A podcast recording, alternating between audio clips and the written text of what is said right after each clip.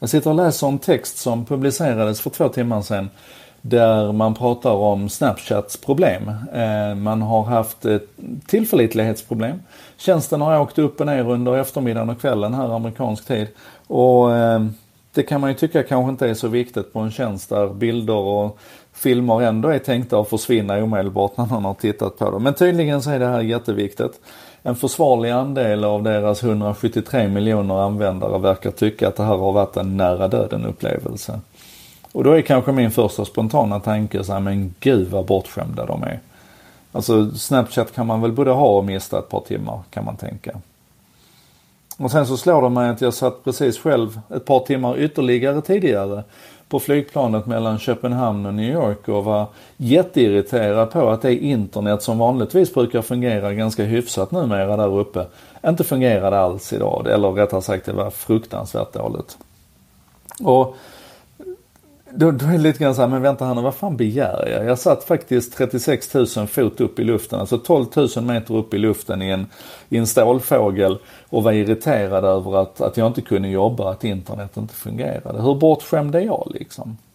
Och så kan man å ena sidan se det, att vi, att vi har lyft liksom den här tröskeln för vilka, vilka krav vi ställer och vad vi tycker att vi, att vi kan förvänta oss av den här ständiga tillgången till internet. Jag måste säga att jag, jag tror inte att det finns en Snapchat-användare som har svårt att frivilligt avstå Snapchat i två timmar. Lika lite som att det är omöjligt för mig att avsätta åtta timmar utan internet och, och sitta och läsa en bok istället även om min fru tvivlar på det. Men så är det, jag kan det. Men då vill jag välja det själv när det tas ifrån mig, när någonting som jag har kommit att förvänta mig tas ifrån mig, så blir det liksom, då blir det surt. Och det tror jag vi behöver ta med oss att det finns en förväntansbild på det här. Men vi behöver också ta med oss hur inbäddat internet är i samhället idag och har varit i ganska många år. Jag minns så tydligt när det var ehm, eh, upproren i, i egyptiska våren, eh, eller arabiska våren i, i Tunisien och Egypten och när den egyptiska regimen fick för sig att man skulle försöka kväsa det här, den här motståndsrörelsen som ju använde sociala medier för att kommunicera och sådär. Man skulle kväsa dem genom att, att, stänga av internet helt enkelt. Så att man, man klippte liksom internet vid den egyptiska gränsen så här.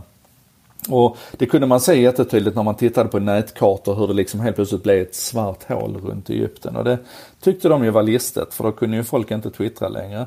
Men Problemet var att deras börs, den störtdök för att hela, hela aktiemarknaden och hela börsen var ju så integrerad med internet så att när man stängde den kranen så var det så mycket tjänster som slutade fungera så man kunde inte handla på börsen längre och sådär. En, en oväntad effekt av det var ju också att eh, det svenska handbollslandslaget, deras, deras yttre kommunikationstjänst, jag tror till och med deras intranät, det bara dog för att det visade sig att det av någon outgrundlig anledning låg på en server i Egypten. Och, och sådär hänger det ihop över landsgränser och över kulturer och över demokrati demokrati och diktatur och så vidare. Så är internet en, en bärande integrerad del. Åtminstone om du har haft det. Jag menar ett land som Nordkorea kanske kan hanka sig fram hjälpligt utan att ha tillgång till internet. Men då är det för att man aldrig har haft det och inte byggt in sig i det där. Och det här någonstans så börjar då den här tanken med bortskämdheten och sen så slutar den med självklarheten och, och, och det givna. Och man kan, om man är sån här prepper som samlar konservburkar i källaren och väntar på att, att tredje världskriget ska komma så tycker man ju naturligtvis att det här är hemskt att vi är så sårbara och så beroende av internet som vi är.